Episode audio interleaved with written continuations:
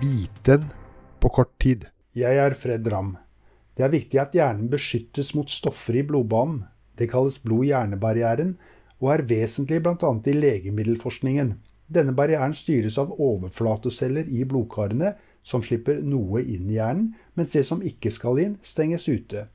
Det var et gjennombrudd i 2012 da man klarte å gjøre differensierte celler om til stamceller, som så igjen ble styrt til å danne slike overflateceller.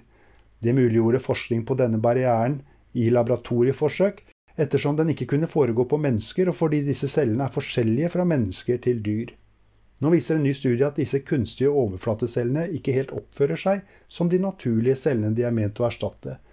Da vil det kunne stille spørsmålstegn ved all forskningen på blod-hjerne-barrieren som har skjedd siden 2012. Hvor alvorlige feilene er, er det ingen som vet, men en rekke studier må nå revurderes. Dette er eksempel på følgefeil i forskningen.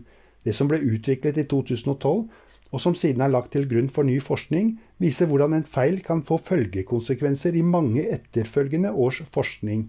Akkurat dette eksempelet er ikke unikt, og kanskje er det ikke så alvorlig heller, men det er alltid en risiko når forskning bygger stein på stein.